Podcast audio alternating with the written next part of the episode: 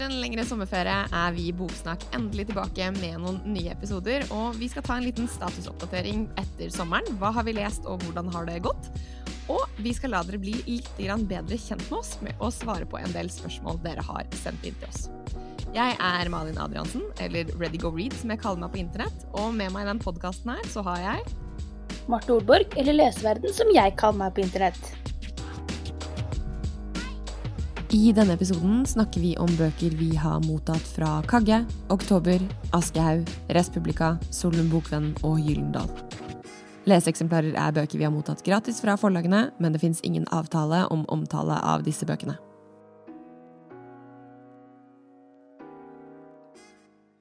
Nå, Marte, hvordan har du det, og hvordan har det gått med lesesommeren din, da? Du, jeg har det egentlig veldig, veldig bra. Jeg har nå brukt hele sommeren på å lide meg gjennom både en varmebølge og en masteroppgave. Eh, og for ikke snakke om innspurt på eh, et svangerskap. Så jeg har nå endelig landet. Det har blitt litt kaldere i været. Eh, termin står for tur, og jeg kan endelig prioritere å eh, lese igjen og gjøre ting jeg har lyst til igjen. Altså, jeg syns eh, ikke så synd på deg på alle disse tingene, men den der masteroppgaven den, den, får du litt medfølelse for at den måtte ha vært slitsom å holde på med nå i sommer. Um, men uh, alt annet er jo altså, I hvert fall den hetebølgen, den får du ikke lov til å klage over, uh, sier hun som sitter her i nord og har hatt liksom åtte grader og regn de siste ukene. men det er lesevær, da. Det er det. Det er fint lesevær. Jo, problemet egentlig, Malin, med å skrive denne masteroppgaven, er at jeg føler veldig på at jeg ikke har samvittighet til å bruke tid på å lese bøker. Ja, det forstår jeg. Og når skole tar så mye tid, så blir det ekstra viktig at lesing er kos. Ja. Så jeg har nå vært veldig flink i sommer faktisk til å prioritere å lese litt. Men jeg tror nok at de bøkene jeg har lest, har jeg brukt enda mer tid på å finne fram til enn til vanlig hvor jeg bare tar frem en bok og leser i farta. Ja, ikke sant? Så jeg har hatt ganske fine leseopplevelser, egentlig. Det er bra. Jeg gleder meg til å høre litt om hva du har lest. sånn, For jeg tror vi begge to har kjent på dette med å få igjen litt leselyst. Eller del én av sommeren, som er den faktiske sommerferien min. Eh, der skal jeg ærlig si at jeg leste nada, niks, ingenting. Eller jeg fullførte en lydbok som jeg hadde hørt liksom 70% på. Sånn siste dagen i ferien, cirka. Men utover det ingenting. Ingenting. Men den dagen jeg kom tilbake, kom hjem inn i huset mitt her og bare OK, nå begynner jeg på jobb igjen i morgen. Kjempefint. Da smalt det. Og da bare kjente jeg så godt at nå har jeg lyst til å lese igjen. Jeg har lyst til å bruke tid på å lese. Og det er så godt å kjenne på. Og det er så deilig å på en måte rett og slett ha lyst til å lese bøker igjen. Skikkelig digg! og det er en følelse både du og jeg har lett litt etter hele våren, egentlig.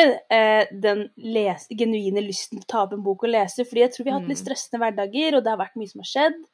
Det har vært mange kule utgivelser, men det har vært få av liksom, de store hypesene jeg virkelig liksom til vanlig kanskje gleder meg ekstra til. Mm. Så har, eh, det har vært liksom litt tungt nå, men nå har jeg store forventninger eh, for eh, både bokhøsten og min egen leselyst fremover, altså. Ja. Og til de som har lurt på det, vi kommer selvfølgelig til å ta et godt tak i bokhøsten 2021 og på en måte snakke om det vi gleder oss til, og det som kommer, og på en måte lage lister og hu og hei. Men eh, først skal vi på en måte se litt mer tilbake på sommeren, og da lurer jeg jo på eh, hvilke bøker er det du har lest, Marte? Før sommeren så snakket jeg jo litt om at jeg hadde med en bok som jeg bare aldri ble ferdig med, og det var Orderud. Ja, den har du holdt på med lenge. Den har jeg holdt på med lenge, og lest litt her og litt der. Og den tenkte jeg at den skal jeg bare bli ferdig med i sommer. Mm. Det er nok litt det der med at eh, når hodet er overalt, så er det litt deilig også å høre på litt ekte historier, så true crime har nok vært litt sånn guilty pleasure. Ja. Men jeg har kosa meg med Orderud. Ikke kosa meg med Orderud, for det er en forferdelig historie. Men, men jeg har eh, funnet mye interesse da, i å eh, både høre krimpodkasten eh, om forskjellige krimsaker, og da lest ordreboken, så jeg har vært liksom i, i true crime-hjørnet, da. Ikke sant? Og så har jeg lest en finurlig liten bok som heter 'Samtykke' av Vanessa Springora. OK, den tror jeg ikke jeg har fått med meg. Det, Malin, tror jeg er en bok du egentlig ville likt veldig godt, fordi det er en bok som er basert på en sann historie, så vidt jeg har skjønt, eh, som handler nettopp om dette med grenser mellom altfor unge og altfor gamle mennesker, eller ikke mennesker, da, med et, et forhold mellom en altfor ung og en altfor gammel mann. Okay. Eh, I forbindelse med liksom hvor går grensen for hva som er overgrep og ikke. Ikke sant. Tematikk jeg syns er veldig interessant, og bøker jeg har lest mye om tidligere. og det er en utrolig vond bok, samtidig som at det er en bok som får meg til å reflektere mye rundt mennesker, valg, forhold, maktforhold og maktstrukturer mellom mennesker.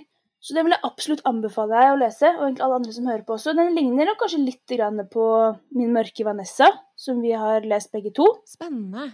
Men den her er nok både kortere og mer presis rett på sak enn den boka. Det er en roman, så jeg vil, ja. Interessant.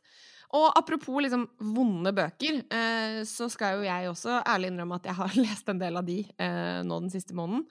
Mm. Og en ting som har preget litteraturen min veldig de siste ukene, det har rett og slett vært litteratur om 22. juli.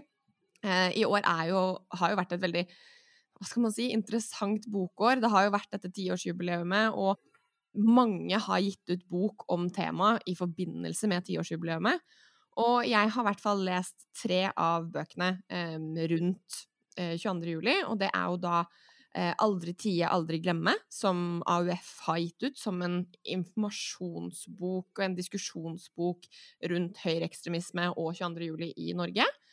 Og så har jeg lest eh, La oss snakke om 22. juli, som er eh, en, mer en barn... Altså en bok hvor man kan bruke den som et verktøy for å snakke med barn i aldersgruppen ni og oppover.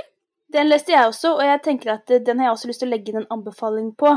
Mm. Fordi det jeg likte spesielt godt med den også, er at hvert kapittel starter med en liten form for informasjon om hva kapittelet handler om, slik at du faktisk kan lese den med barn og være forberedt på hva som kommer i hvert kapittel. Ja, og så er den måte lagt opp til at barna selv eh, skal få den advarselen også. Så det står sånn 'Dette kapittelet bør du gjerne lese sammen med en voksen'. Og jeg kjente så veldig på sånn å, dette kapitlet skulle jeg ønske at jeg kunne lese sammen med en voksen. Fordi jeg kjente liksom at jeg også trengte noen å prate med etter at jeg hadde lest det. For det er liksom Altså selvfølgelig, det er jo lettere for meg som er en voksen, og som klarer å romme mine egne tanker og følelser.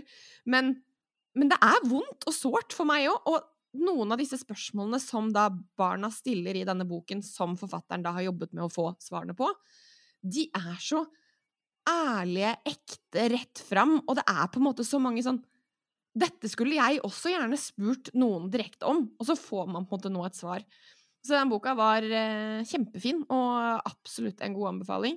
Og så må vi også rose illustrasjonen i den boken, for jeg syns det ble et kunstverk å lese den fordi det også var utrolig fine illustrasjoner til, samtidig som at veldig mange av disse vanskelige ordene hadde et eget kapittel til beskrivelse. Ja. Slik at mm. man fikk også eh, Man tok barna på alvor da, med å faktisk bruke litt avanserte ord, men også forklare ordene. Så ja. det er to sånne styrker ved den boken her som trekker fram. da. Ja, jeg, altså, illustrasjonene i den boka der var helt fantastiske. Uh, og de gjorde virkelig inntrykk på meg. Så det var godt at du minte meg på det. Det er en veldig fin ting jeg hadde lyst til å trekke fram. Men det er jo litt morsomt, fordi den tredje boka jeg da også har lest, er jo da også på en måte basert på um, illustrasjoner sånn sett. Og det er jo da den grafiske romanen til eh, Nora Dåsnes som heter uh, Ubesvart anrop. Uh, og den vet jeg at du ikke har lest ennå, og har på leselista di. Men fy søren, den boka der var helt, helt, helt fantastisk og så vond og forferdelig på en og samme tid, men det blir det jo når det er den tematikken her vi snakker om. Men eh, Nora Dåsnes er en av de største formidlerne vår generasjon har sett. Det tør jeg påstå, og det står jeg ved. Boken hennes fra i fjor, Den ti kniver i hjertet, og nå da Ubesvart anrop, er begge to så treffsikre. Um, og hun har en så unik evne til å fortelle en historie.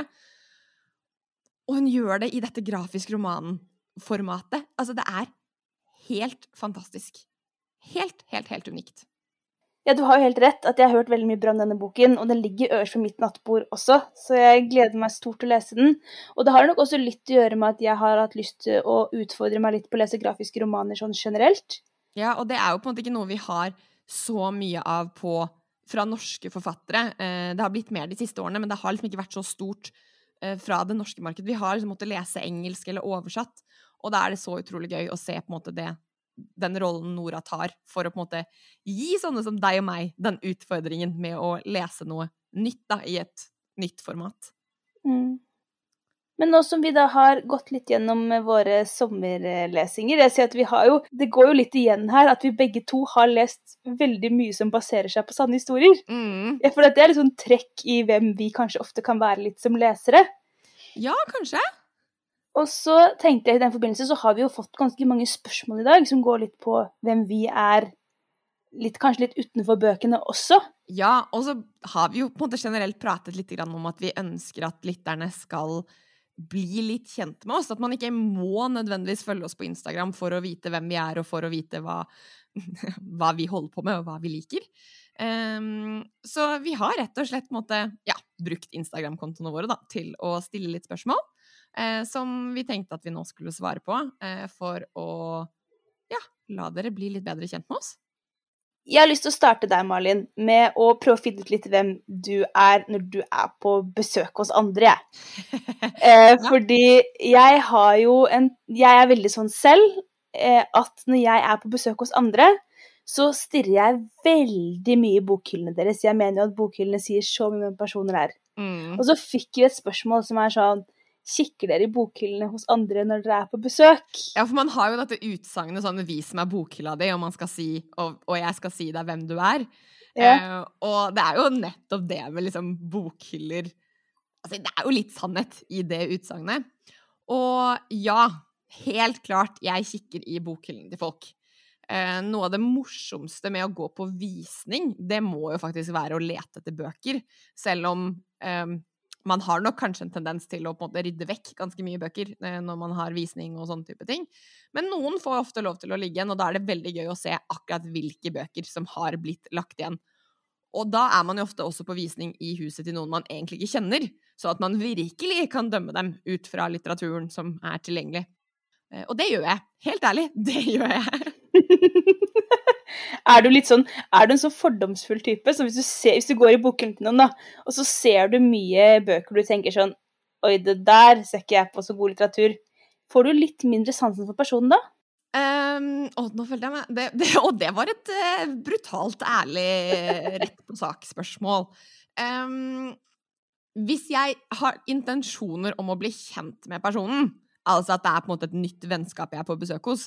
Da gjør jeg jo ikke det. Da lar jeg ikke det jeg ser i bokhylla være på en måte mitt førsteinntrykk, hvis man kan si det på den måten. da. Men hvis jeg er på visning og på en måte ikke kjenner personen i det hele tatt, og ikke har noen intensjoner om å bli kjent med personen, og da finner på en måte en bok som er helt motsatt av mine preferanser, eller noe jeg syns er skikkelig ræl, eh, da kan jeg bli litt sånn Å, jaha, ja. Ja, det er sånn person du er, ja. Ja, dette er et spennende hus å være på besøk i. Da blir jeg liksom eh, Da blir jeg litt mer pitty, og litt mer sånn Legger ikke godviljen til til å være en god person som ikke forhåndsdømmer, da. Da, da går man rett inn i litt den forhåndsdømningen. Men har ikke du innimellom også et par bøker innom bokhyllen din eh, som kanskje ikke representerer hvem du er som person? Jo, absolutt. Og da havner det jo veldig Eller da handler det jo veldig om eh, mengden. Altså hvis du bare finner eh, to bøker Altså hvis det bare ligger to bøker framme, og det er to bøker som politisk sett kanskje er helt på andre aksen enn det jeg står for, at det er noe antifeministiske greier, for å si det på den måten, da dømmer jeg jo liksom de to litt sånn alene og stillestående. Men hvis man finner de to bøkene blant mye annet, da er det liksom mer lettere å tenke at OK, dette kan, dette kan, man lese fordi man enten har lyst til å vite hva man er uenig i, eller at man leser dette fordi man er en variert leser, og at man ikke lar måte, det være fokuset. Men igjen, la oss bare på en måte hente meg tilbake som en uh, god person som sier at når jeg er på besøk hos andre som jeg faktisk kjenner eller har blitt kjent med, da syns jeg det er veldig interessant å se hva de har i bokhyllene sine. Og jeg snoker på høyt nivå på hva jeg finner der. Men jeg lar ikke det på en måte påvirke hva jeg syns om den personen. Men hva med deg, da? Er du et bedre menneske enn meg, eller uh, gjør du det samme som meg? Jeg er nok en supersnoker, jeg også. Jeg liker å se hva folk har i bokhyllene sine. Eh, jeg er nok ikke sånn som tenker nødvendigvis så veldig mye over titlene, men jeg syns ofte at hvis jeg ser noen bøker i hylla til andre, at det kan være en fin eh, starter for en samtale. Altså sånn Oi, har du lest denne boka? Og så får vi liksom litt litteratursnakk rundt bokhyllene til andre, for det syns jeg er veldig interessant. Ja, ikke sant. Men hva med personer som ikke har noen bøker framme, da? Hva tenker, du, hva tenker, du, om de som personer? Er det mennesker du kan bli venner med i det hele tatt? Eller eh, tenker du noe spesielt om dem? Jeg ser vel egentlig det å ha bøker som et mer pluss enn det å ikke ha bøker som et minus. Ja, ikke og sant? personlig så har jeg nok eh, Jeg føler jeg liksom litt sånn skam, fordi de siste tre årene eller noe sånt, så har alle bøkene mine ligget i pappesker i en eller annen bod. Fordi jeg ikke har Først hadde jeg ikke plass i leiligheten min til å ha bokhyller. Og her jeg bor nå, driver jeg og pusser opp loftet, og det skal det bli bokhyller. Så jeg gleder meg veldig til å få, utstilt bøkene mine der. Men jeg har ikke hatt plass eller mulighet til å ha bokhyller før nå. Og jeg vet jo selv hvor glad jeg er i å lese. Mm. Så hvis noen hadde kommet til meg og liksom gått inn i mitt hus og bare Hei, er det ikke en eneste bok her? Jo da, det ligger bare 17 esker oppå loftet. Eh, så, så, man vet jo aldri helt hva som skjuler seg bak fasaden. Nei, ikke sant? Og, og jeg vil jo på en måte påpeke at folk flest, i hvert fall i en viss aldersgruppe, de har jo ikke plass, eller eventuelt råd, til å på en måte ha bøker hjemme. Eh, jeg husker jo selv når jeg var student, jeg hadde jo liksom bøker i bokhylla. Um, nei, jeg mente jeg skulle si at jeg hadde bøker i vinduskarmen, for det, hadde, det var liksom bokhylla mi da jeg var student. Uh, men hovedmassen av bøker var jo fortsatt hjemme hos mamma og pappa. Jeg hadde det jo ikke i min leilighet. Så det jeg hadde i hybelen min, var jo ikke nødvendigvis representativt for hvem jeg var. Det var bare, viste jo egentlig bare hva jeg leste akkurat der og da. Eh, og så liksom måtte jeg bytte det ut og sånne type ting. Så man kan aldri dømme noen for det de, for det de har eller ikke har. Men, men det er veldig interessant. Det er det. Men apropos bøker. Vi har fått et spørsmål som jeg syns er uh, veldig morsomt, og det er 100% rettet til deg, Marte. Um, bøker i fødebagen. Skal du ha det, og hvilke bøker er det eventuelt? Jeg syns også det spørsmålet var veldig morsomt. Eh, fordi jeg har jo pakket denne fødebagen. Det fikk jeg jo beskjed om at det er kjekt å gjøre når vi nærmer seg termin, og det er ikke lenge til nå. Mm. Og før jeg fikk spørsmålet, så ble det med at jeg har faktisk pakket med meg en bok i fødebagen. Eh, hvilken bok det ble, det var litt tilfeldig, for den lå veldig i nærheten. Men jeg tok med meg den derre 'Bare på besøk' av Beth O'Leary, fordi jeg tenkte at det var en sånn derre feel good-bok. Ja, og den har du jo snakket om her i podkasten ja, før. Ja. Den har ligget mm, liksom nice øverst på leselisten min lenge. Ser for meg at det er en feel good-bok som kanskje kan passe veldig godt til å bare lese fem sider der, fem sider der. Ja, og så ser jeg jo egentlig for meg at jeg kommer ikke til å lese spesielt mye på sykehuset. Jeg må ærlig innrømme at jeg syns du er forbanna optimist ved å faktisk i det hele tatt ta med deg en bok. Altså jeg tenker at Skulle jeg hatt med meg lesestoff på noe sånn, så hadde det vært en Donald Pocket eller et eller annet. Bare sånn liksom Ja, jeg kan fjerne Jeg kan fokusere på noe annet og på det bla noen sider, men jeg skal ikke få med meg nødvendigvis det jeg leser. Uh, så optimistisk, men jeg liker det. Jeg digger det det handler nok mer om mine vaner. Altså ja. at jeg alt, aldri reiser, pakker en bag uten en bok. Nei. Vi hadde nok kanskje heller gått for en lydbok, da, kanskje. Ja, men har, den har jeg på en måte alltid med meg mm. på telefonen. Og jeg kommer sikkert til å høre, hvis jeg først skal høre på noe, så er det sikkert lydbok. Jeg tror som sagt heller ikke det jeg kommer til å lese. Men jo, og så har vi også pakket med oss en quizbok. Ja. Fordi nå om dagen, jeg og mannen min, vi syns det er veldig veldig hyggelig med quiz. Vi er sånn, Hvis vi har liksom venter på at biffen skal steke, eller noe sånt, så er det sånn OK, er du klar for tre spørsmål? Og så stiller vi hverandre spørsmål, og sånn går vi rundt før vi legger oss på kvelden, så er det OK, nå leser jeg side 18 allmennquiz, er du klar? Og så har vi quizet oss gjennom livet de siste ukene, det har vært veldig veldig hyggelig. Men vi er bare halvveis i denne quizboken, så vi, den har jeg også pakka med meg.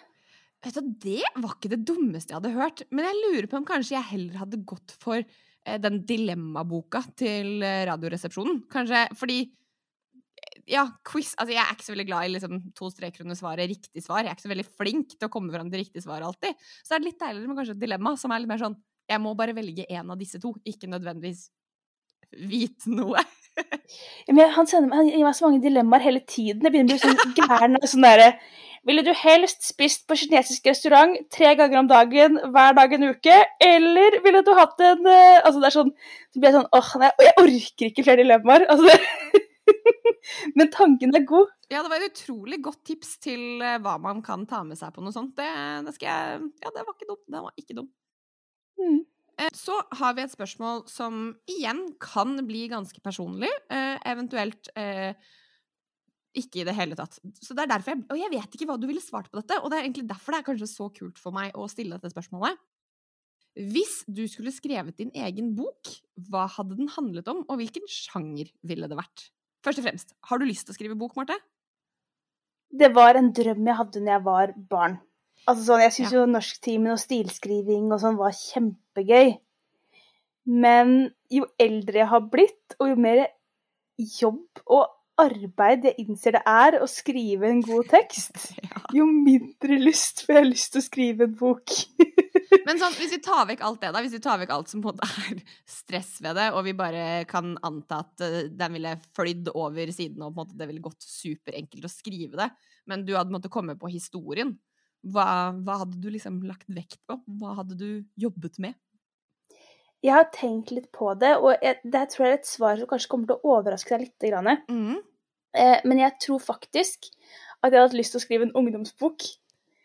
Og Så grunnen, gøy! ja, men grunnen til det er at hvis jeg hadde klart å skrive en bok som traff ungdom på en måte som gjorde at det, på den kanskje vanskeligste tiden i livet deres, da, mm. så ble den historien eller den boka en viktig sånn livbøye, mm. så ville det betydd så innmari mye mer enn å skrevet en sånn kjempestor uh, Jo Nesbø-krim.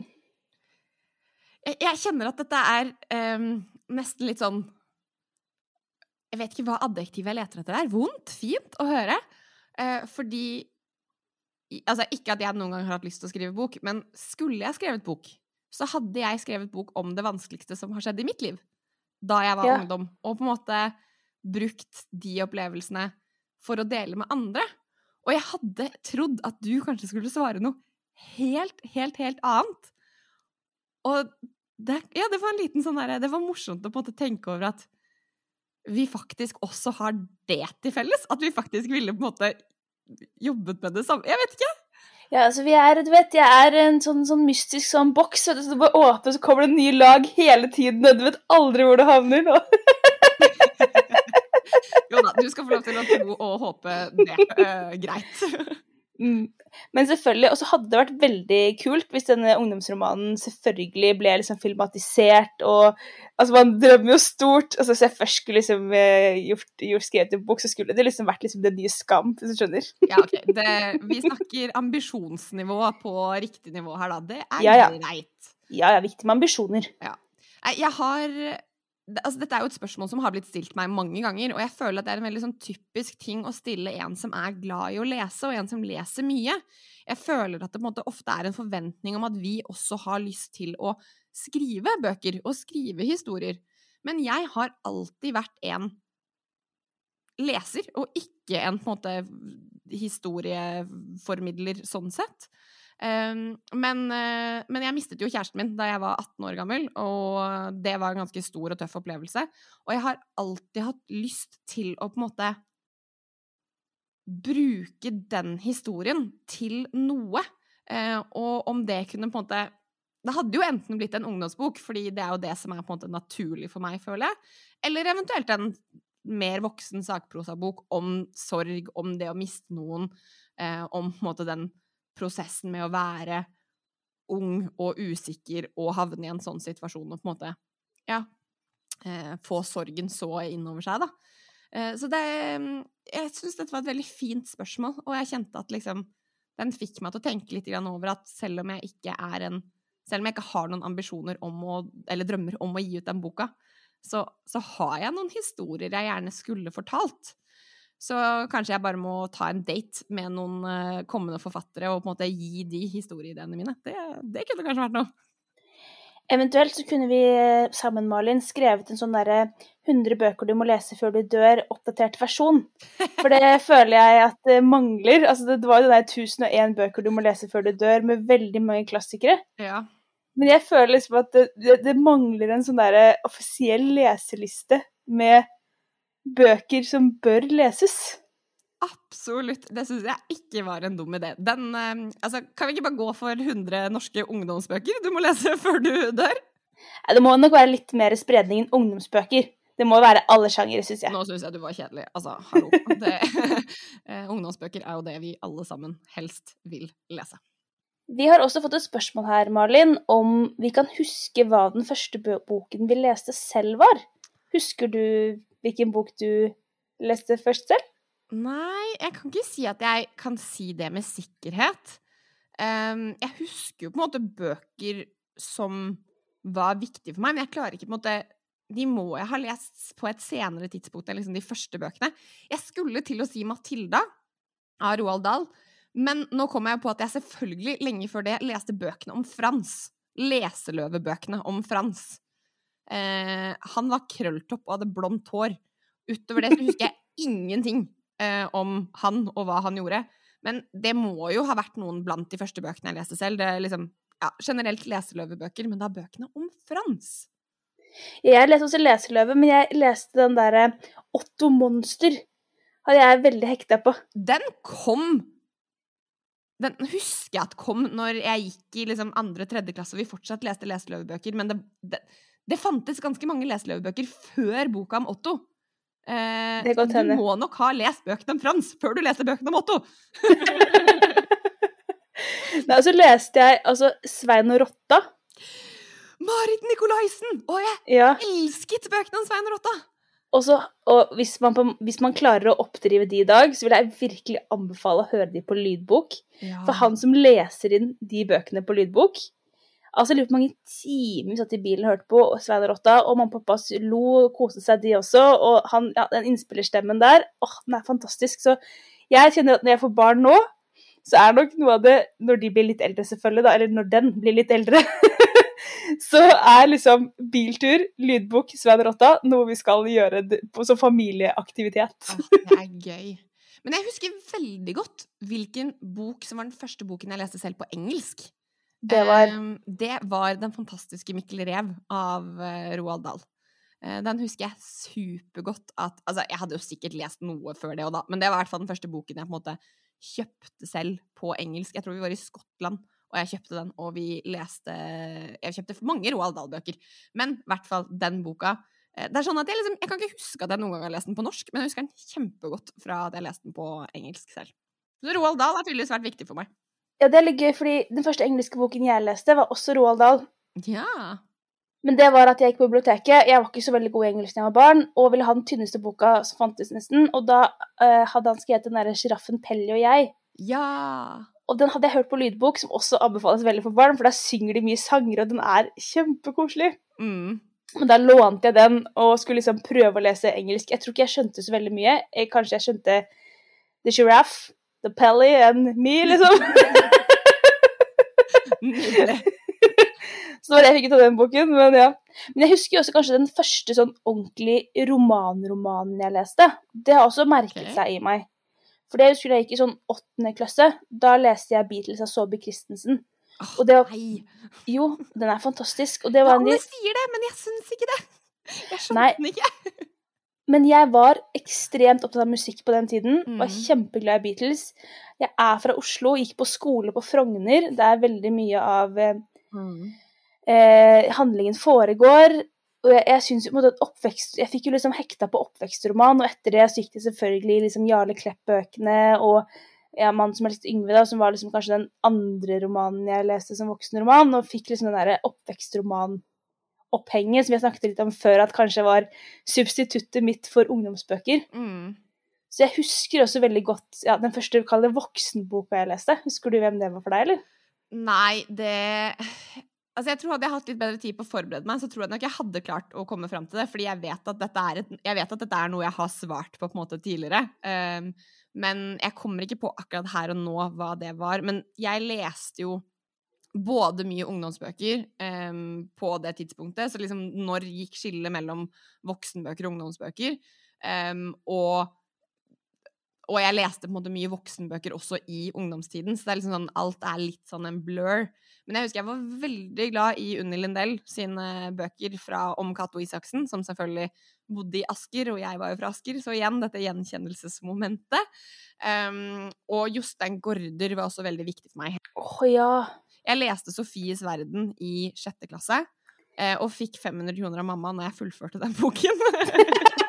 du, den leste jeg faktisk gratis, jeg. Ja. Helt ja, frivillig. jeg leste den også helt frivillig, men mamma syntes det var så imponerende at jeg ble ferdig, eh, at jeg fikk 500 kroner. Veldig random. Eneste gangen jeg har fått penger for en sånn type ting i livet jeg må jo innrømme at når jeg leste den Det var veldig gøy at du nevnte den, fordi når jeg tenker meg om, så er vel det av de også tidligere bøkene jeg leste. Men jeg var kanskje mm. litt for ung for å lese den. Ja. Så jeg, jeg, må innrømme at jeg hoppet nok litt over disse filosofiske kapitlene. Ja, de filosofene man ikke kjente så godt til. Man, jeg husker at jeg bladde litt ekstra fort uh, når jeg leste de. Uh, jeg var sikkert innom alle sidene, men der tror jeg kanskje vi dro en sånn ekte speedreader-taktikk, som ja. er akkurat det du tenker på når jeg sier speedreading, altså ja. eh, skumming på høyt nivå.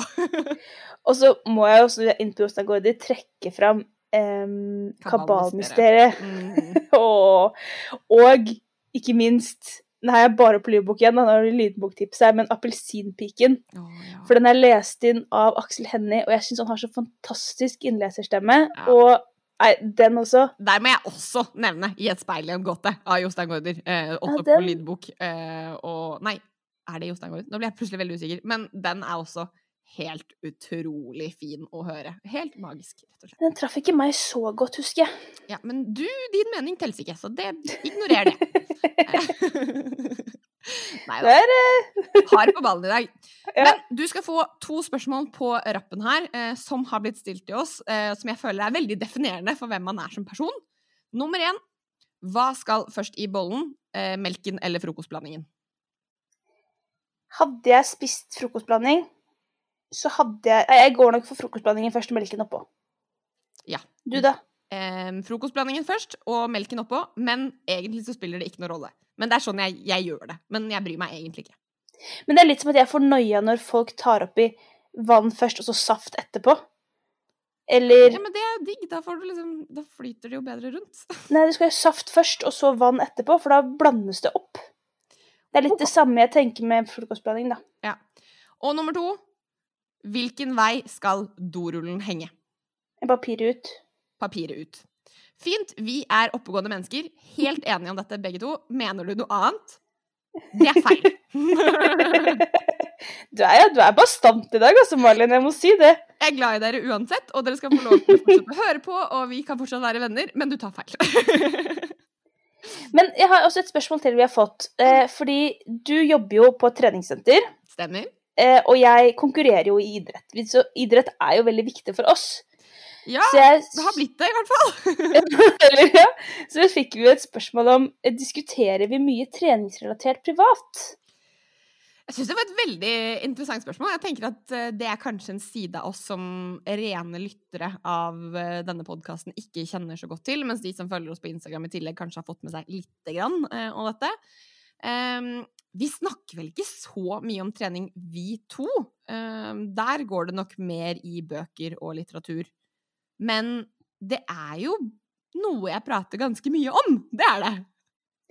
Det er jo akkurat et tema som definerer meg som menneske vel så mye som bøkene. Ja, for Kan ikke du fortelle litt om hva du gjør, og liksom, hvilken idrett holder du på med? Hva er det? Nei, altså Jeg konkurrerer jo den idretten som heter styrkeløft. Ja. Så jeg prøver å bli sterkest mulig i knebøy, benkpress og markløft. Og det er sjukt fascinerende. Så jeg har jo egentlig Jeg syns jo Det er jo noen som har spurt meg litt om hvordan det har vært å være gravid og sånn også, så jeg kan jo slå sammen litt sånn to spørsmål i ett. Mm. Fordi jeg har jo egentlig nå hatt eh, ni måneder som har vært litt sånn tunge fordi jeg ikke har fått trent så mye som jeg hadde ønsket. Mm. Og det har nok også gått litt utover liksom leselysten min og liksom altså, lysten generelt. Alt henger jo litt sånn sammen. Eh, for jeg har vært litt sånn redd for å trene fordi folk er sånn Ja, men tenk hvis noe skjer med barnet hvis du trener tungt og sånn. Så nå har jeg hatt et litt sånn prosjekt for meg selv, fordi jeg har hatt et veldig veldig fint svangerskap. Så jeg har nå det er litt teit ut, men trent veldig mye eh, i det siste. Ja. Eh, og fått hentet egentlig ekstremt mye selvtillit og motivasjon i det å kunne dra på trening og fremdeles liksom løfte tungt, selv om det bare er halvannen uke igjen til jeg skal føde. ja, ikke sant? Så ja, trening er definitivt viktig for meg i mitt liv. Jeg merker at det går utover alt. Og det er nesten derfor sikkert lese våren min har vært litt laber, og sommeren har vært litt laber. Og at jeg nå når måtte har fått litt sol på kroppen, jeg har fått beveget meg litt igjen, så har brikkene falt litt på plass for hvem jeg er. Og trening er veldig viktig for hvem jeg er. Og du da, Malin, du har hatt noen helt sjuke mål denne sommeren eller våren du også når det kommer til trening. Kan ikke du fortelle om det, da? Jo, altså, jeg har jo aldri likt å trene. Jeg har aldri holdt Altså, jeg holdt på med mye aktivitet som ung. Jeg danset, og jeg spilte tennis, og jeg var med på ditt og jeg var med på datt. hadde 100 fritidsaktiviteter. Men jeg har aldri likt å trene, og jeg har aldri kost meg med det. men, ehm, men ehm, for to år siden så begynte jeg da å jobbe på et treningssenter som kunde- og markedsrådgiver. Og da skal jeg si at måte, folk i min omgangskrets fikk jo latterkrampe og trodde det hadde liksom klikka for meg når jeg skulle begynne å jobbe på et treningssenter. Um, og de siste årene har jeg jo da på en måte blitt litt påvirket av det at jeg jobber i det miljøet jeg gjør, uh, og at jeg har personlig heiagjeng på jobb uh, hele tiden. Alle er på en måte interessert i trening og ønsker at det er noe jeg skal komme i gang med. Så jeg har vært gjennom et par runder og et par prosjekter med å på en måte komme ordentlig i gang. Og en av de tingene jeg da har blitt bitt av basillen på, det er jo dette med løping. Det trodde jeg aldri, aldri, aldri jeg skulle si at jeg eh, hadde blitt litt glad i. Men uh, det gjorde godt å være permittert i fjor uh, og få en liten sånn derre Det eneste jeg skal gjøre i løpet av den dagen her, er å ta én løpetur. Det er det eneste du skal gjøre. Um, og så da satte jeg et mål om å løpe mila på under en time på Midnight Sun Marathon her i Tromsø og jeg fikk det til. Så det har vært en enorm reise, enorm forbedring. Altså, det har vært helt sinnssykt. Uh, så ja, trening har blitt en liksom, mye større del av hverdagen min også. Um, og jeg er en sånn person som snakker mye om det og søker mye råd fra folk rundt meg til hvordan jeg skal gjøre det. Men Uh, ja, og, er, og, jeg bare syns det er så rart og tilfeldig at måte, jeg har fått en så god litteraturvenninne i deg, som da også måte, har idretten som uh, en av sine andre store, store store interesser. Så det setter jeg veldig stor pris på og syns det er veldig gøy. Kanskje jeg må begynne å prate mer trening med deg? Kanskje det er det? Jeg har jo store planer om å komme opp til Tromsø og ta en økt med deg eh, så fort jeg får klemt ut dette, dette barnet. Det vet jeg ikke om jeg tør. Jeg tror kanskje heller jeg kan stå for barnepasset mens du trener. jo, jo, men alle skal starte et sted, vet du. Ja, ikke sant. Nå har vi jo svart på ganske mange spørsmål. Vi har fortsatt mange spørsmål liggende i boksen, og vi tenkte at vi skulle svare på Hente opp noen av disse spørsmålene underveis eh, de neste podkastepisodene. Um, har du noe, du som hører på, har du noe du har lyst til at vi skal svare på, så kan du selvfølgelig sende det spørsmålet til oss eh, på e-post eller på Instagram også. Eh, og så skal vi gjøre vårt beste for å la dere bli litt bedre kjent med oss ut gjennom høsten også.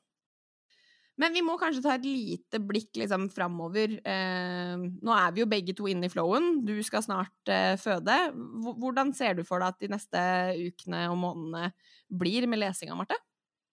Jeg ser for meg at det kommer til å være en litt traust lesehøst. Mm at jeg får nå eh, tid til å bygge opp en ganske fet bunke med bøker jeg har lyst til å lese når jeg har tid til å lese igjen. Ja.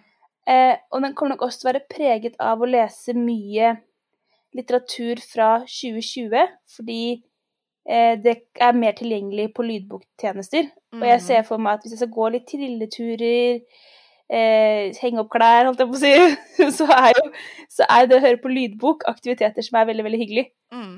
Så jeg har begynt allerede nå i disse uh, lydbokappene mine å trykke liksom legge til i bokhylle. Mm. Så jeg har mm. begynt å lage en ganske sånn fin liste over bøker jeg faktisk gleder meg til å høre på lydbok.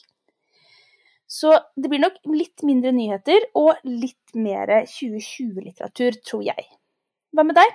Um, Altså, det er veldig vanskelig å si. Jeg er jo i den der leselystflowen for tiden. Men har, det har dukket opp et nytt problem, og det er rett og slett at jeg ikke klarer å bestemme hva jeg skal lese. Um, jeg har liksom flere har, altså Det er jo ikke det at jeg har mangel på bøker jeg ønsker å lese, fordi det er vilt mange bøker jeg skulle gjerne ha lest, og vil gjerne begynne på med å lese.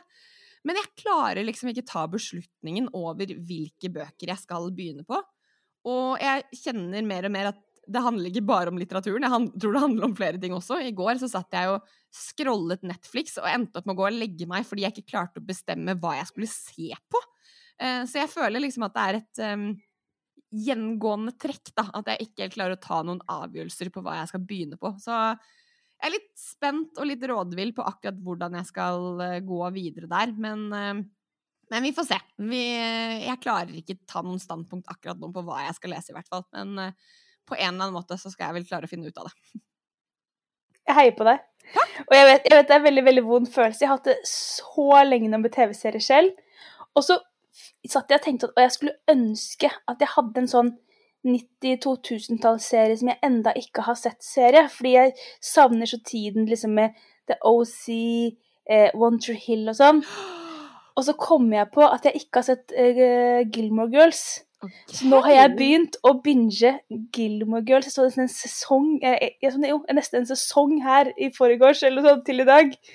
Og kose meg. Og hun er jo veldig glad i bøker også, ja. så det er veldig mye litterære referanser underveis. Å, så gøy! Og så er det liksom han I første sesong så er liksom han ene fra One Tree Hill spiller en rolle, så jeg sitter her der, sånn der skikkelig sånn mimrehjørne og koser meg kjempemasse. Og så er det helt sjukt gøy at du nevner One Tree Hill, fordi den ene tingen jeg er helt obsessed med for tiden, det er podkasten Drama Queens, som er eh, Hayley, eh, Brooke og Peyton, altså skuespillerne som spiller disse tre karakterene, som eh, ha, driver og ser gjennom hele One Tree Hill og snakker om hver enkelt episode. i en Nei! Og det er helt fantastisk, og jeg bare jeg elsker det. Jeg er helt obsessed med det for tiden. Eh, så det er egentlig alt jeg har lyst til å gjøre, men det kommer jo bare én episode i uka, så jeg har liksom ikke jeg får liksom ikke binge av det, men det koser jeg meg faktisk helt drøyt mye med for tiden. Åh, den podkasten kjenner jeg at den skal jeg eh, legge til på podkastlista mi, fordi ja, er det noe jeg savner, så er det liksom mm. oh, herre Nå, nå, ble, nå ble jeg sånn Nå kjente jeg at jeg ble sånn derre nå må vi nesten slutte å snakke mer podkast, for nå skal jeg gå og høre på podkast. jeg, tror kanskje det er akkurat det vi skal gjøre. Vi skal avslutte denne episoden her. Eh, og så gleder vi oss til en høst med podkast, med bøker, med leseglede og med mye annet. Eh, men med det kan vi jo kanskje, kanskje bare si takk for i dag. Ja, takk for i dag, Malin. Ha det bra. Ha det. For mer boksnakk og flere lesetips kan du følge oss på Instagram, hvor vi heter Leseverden, og Ready Go Read. Har du noen spørsmål, send oss gjerne en melding, eller kontakt oss på mail boksnakk at gmail.com. Bak Boksnakk podkast står vi, Marte Olborg og Malin Adriansen. Og med oss på laget har vi produsent Mia Haaland. Liker du det du hører, blir vi veldig glade hvis du har lyst til å gi oss en liten rating i iTunes.